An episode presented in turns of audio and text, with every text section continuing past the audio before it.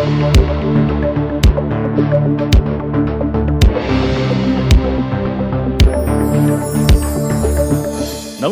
Radio क्यान्डिडको प्रस्तुति विश्वभर आजमा स्वागत छ म धीरज बस्नेत। विश्वभर आज radio candid ninety two point seven megahertz radio क्यान्डिडको आधिकारिक फेसबुक पेज र पोडकास्टमा समेत सुन्न सक्नुहुन्छ। विश्वभर आजमा हामी विश्वभर घटेका ताजा र विशेष घटना समेटिएका समाचार सामग्री प्रस्तुत गर्दै आएका छौँ। विश्वभर आज हरेक दिन बेलुका आठ बजेको क्यान्डिड फटाफटपछि प्रसारण हुँदै आएको छ। विश्वभर आज भएका प्रमुख घटनाहरू जुन तपाईँले जान्न खोजिरहनु भएको छ वा जान्नै पर्ने केही विशेष छ। अफगानिस्तानको राजधानी काबुलको एउटा मस्जिदमा भएको हमलामा एक्काइसजनाको मृत्यु भएको छ। साँझको प्रार्थनाको समयमा भएको उक्त विस्फोटनमा अन्य केही घाइते भएका छन्। विस्फोटमा मृत्यु हुनेको संख्या अझै बढ्न सक्ने सरकारी अधिकारीहरूले बताएका छन्। विस्फोटको जिम्मा कुनै समूहले लिएको छैन। घाइतेको स्थानीय अस्पतालमा उपचार गरिएको प्राप्त विवरणमा जनाइएको छ। विस्फोटनमा एक्काइस जनाको मृत्यु भएको कतारी टेलिभिजन च्यानलले जनाएको छ। एक वर्ष अघि तालिबानले अफगानिस्तानको सत्ता पतल गरेपछि पनि हत्या हिंसाका घटनामा कमी आएको छैन। केही साता अघि पनि मस्जिदमा विस्फोट हुँदा सर्वसाधारणको मृत्यु भएको थियो। यसैबीच तालिबानले आक्रमणको निन्दा गरेको छ। अपराधका दोषीहरूलाई छिट्टै पक्राउ गरी सजाय दिइने इस्लामिक इमिरेट भनिने अफगानिस्तानमा तालिबानको सरकारका प्रवक्ता जबी उल्लाह मुजाहिदले एक ट्विटर मार्फत बताएका अफगानिस्तानबाट प्रसारण हुने टोलो न्युज समाचार च्यानलले जनाएको छ। तालिबानले अफगानिस्तानमा आफ्नो पूर्ण नियन्त्रण रहेको दावी गरे पनि अर्को आतंकवाद आतंकवादी समूह इस्लामिक स्टेटले देशैभरि सर्वसाधारण र प्रहरीमाथि आक्रमण जारी राखेको छ।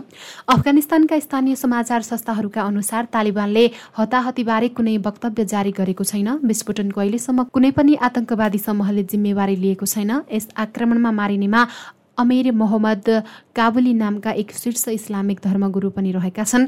अफगानिस्तानमा तालिबान शासनको एक वर्ष पुगेको यस अवधिमा आक्रमण भएको जनाइएको छ। प्रत्यक्षदर्शीहरूले सो आक्रमण आत्मघातीहरूले गराएका बताएका छन्। यसैबीच अधिकार समूहहरूले तालिबानको मानवाधिकार र महिला अधिकारको सम्मान गर्ने धेरै प्रतिज्ञाहरू तोडेको बताएका छन्। न्युयोर्कमा रहेको अधिकार समूहले आफ्नो प्रतिवेदनमा तालिबानले गरेको मानव अधिकार उल्लङ्घनको व्यापक निन्दा गरेको र देशको डर डरलाग्दो मानवीय अवस्थालाई सम्बोधन गर्ने अन्तर्राष्ट्रिय प्रयासहरूलाई अवरोध गरेको बताइएको छ। दक्षिणी थाइल्याण्डमा कम्तीमा सत्र स्थानमा विस्फोट र आगलागी भएको अधिकारीहरूले बताएका छन्। विस्फोटमा सातजना घाइते भएका छन्। मध्यरातमा भएका विस्फोटमा कम्तीमा सातजना घाइते भएका सुरक्षाकर्मीले जनाएका हुन्। आक्रमणको जिम्मा कुनै पनि समूहले लिएको छैन। मलेसियाको सिमानामा रहेको दक्षिणी थाइल्याण्डका प्रान्तहरूमा दशकौंदेखि विद्रोह जारी रहेको छ। हिंसाको अनुगमन गर्ने डिप साउथ वाच समूहका अनुसार सन् दुई हजार चारदेखि द्वन्द्वमा सात हजार तीन सय भन्दा बढी मानिस मारिएका छन्।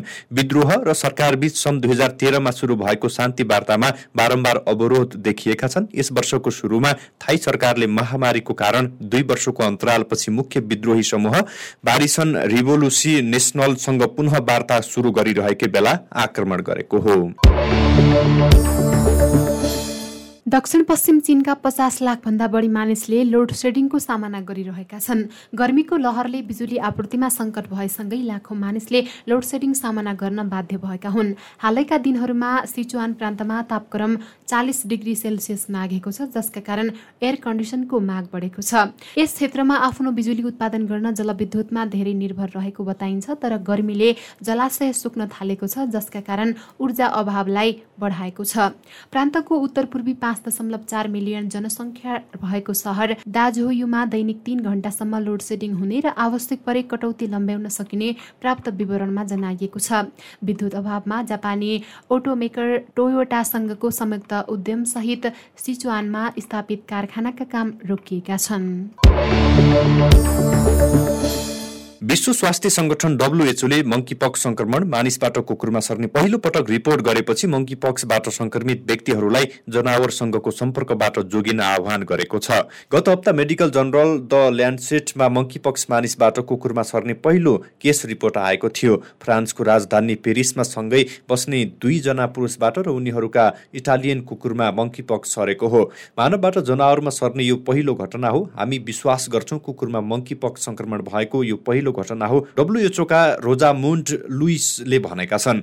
मानिसबाट जनावरमा मङ्कीपक्स संक्रमण सरेसँगै डब्लुएचओले सावधानी दर्शाउन सबैलाई आग्रह समेत गरेको छ।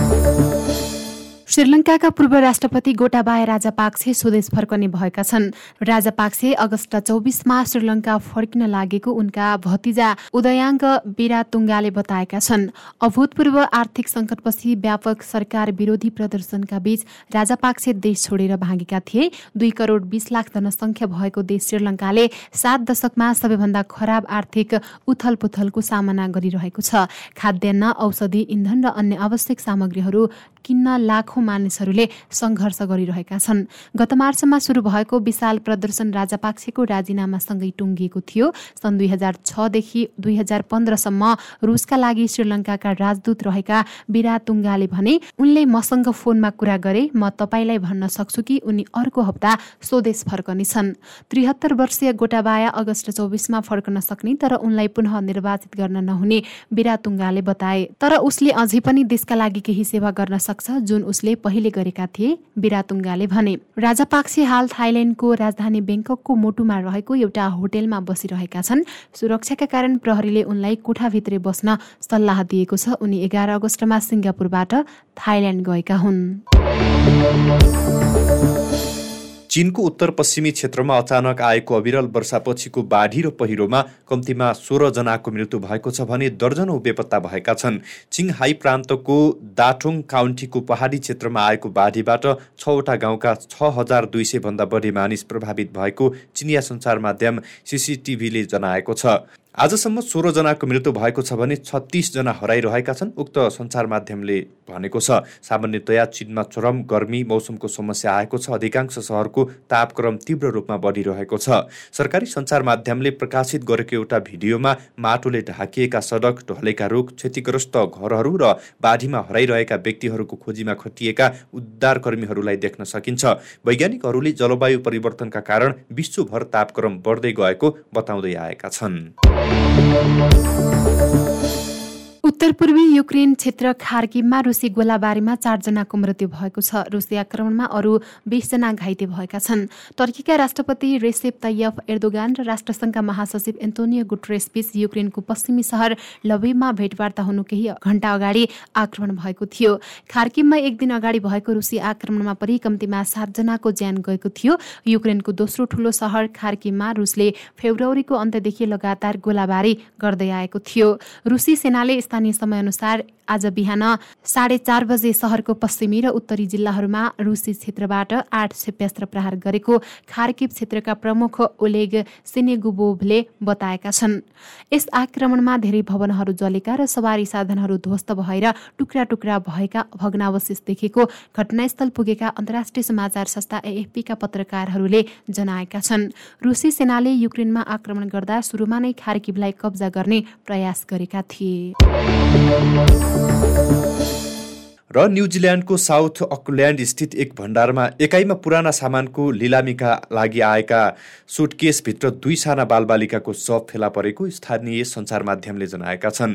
डिटेक्टिभ इन्सपेक्टर टोफिलाउ फामा नुइया वाउले उक्त रिपोर्ट पुष्टि गर्दै प्राथमिक विद्यालय जाने उमेरका दुई बालबालिकाको अवशेष म्यान्यु रेवाको पुरानो सामानहरूको भण्डारणमा फेला परेको बताएका छन्। न्युजिल्यान्ड हेरालन्डका अनुसार प्रारम्भिक सङ्केतका आधारमा टोलीले ती मृत बालबालिकाको शव फेला पार्नु अघि कैयौँ वर्षदेखि सुटकेस भित्रै रहेको हुन सक्ने अनुमान गरेको थियो। वाइलुवाले यो खबरले समुदायलाई निकै दुखी तुल्याउने आफूले बुझेको टिप्पणी गरेका छन्। प्रहरी अझै पनि अनुसन्धानको प्रारम्भिक चरणमा रहेको उनको भनाइ छ तर ती बच्चाहरूको अवशेष धेरै वर्षदेखि सुटकेसमा रहेको हुन सक्ने देखिन्छ उनले भनेका छन्। प्रहरीले भण्डारण एकाइको भाडाको सन्दर्भमा अनुसन्धानको सकारात्मक सङ्केतहरू पछ्याइरहेको छ। वाएलुवाले भने ती बालबालिका पाँचदेखि दस वर्ष उमेर समूहका रहेको र उनीहरूको मृत्यु कहिले र कहाँ भएको भन्ने पत्ता लगाउन प्रहरीले काम गरिरहेको प्रहरीको गुप्तचर निकायले जनाएको छ। घटनाबारे थप जानकारी दिँदै वाइलुवाले क्यान भासिङ र सिसिटिभी सङ्कलन गरिरहेको बताएका छन्। यद्यपि घटना निकै पुरानो हुन सक्ने भएका कारण अनुसन्धान चुनौतीपूर्ण बनेको स्थानीय सञ्चार माध्यमले जनाएका छन्। उनले पत्रकारका धेरै प्रश्नको जवाफ दिन अस्वीकार गर्दै यसबाट अनुसन्धानमा अन्यथा हुन सक्ने बताएका छन्। मृतकका आफन्तहरू न्युजिल्यान्डमा रहेको उनले बताएका छन्। प्रहरीका अनुसार मोनक्रेफ एभे हाउसमा बस्ने मानिसहरूले गत बिहिबार आफ्नो ठेगानामा स्वामित्व नभएको सम्पत्ति ल्याएका थिए। यद्यपि उनीहरू घटनामा संलग्न नरहेको प्रहरीले जनाएको छ। प्रहरीले अनलाइन लिलामीको एक भागको रूपमा भण्डारण लकरको सामग्री किनेको र खरिदको भागको रूपमा सुटकेसहरूमा अवशेषहरू फेला परेको बुझिएको छ। सप्ताह अन्तमा फोरेन्सिक कामदारहरूले घटनास्थलको जाँच गर्दा घरमा प्रहरीले घेराबन्दी गरेको थियो। यस हप्ताको सुरुमा प्रहरीले ठेगाना छोडेको थियो तर ड्राइभ वेमा ठुला धातुका ढोकाहरू बन्द गरिएका थिए। विश्व गतिविधि रेडियो क्यान्डिडको दैनिक प्रस्तुति हो। तपाईँले रेडियो क्यान्डिडको वेबसाइट आधिकारिक फेसबुक पेज र पोडकास्टमा सुन्न सक्नुहुनेछ। सँगै खबर हब डट कममा पनि विश्व गतिविधि पढ्न सक्नुहुनेछ।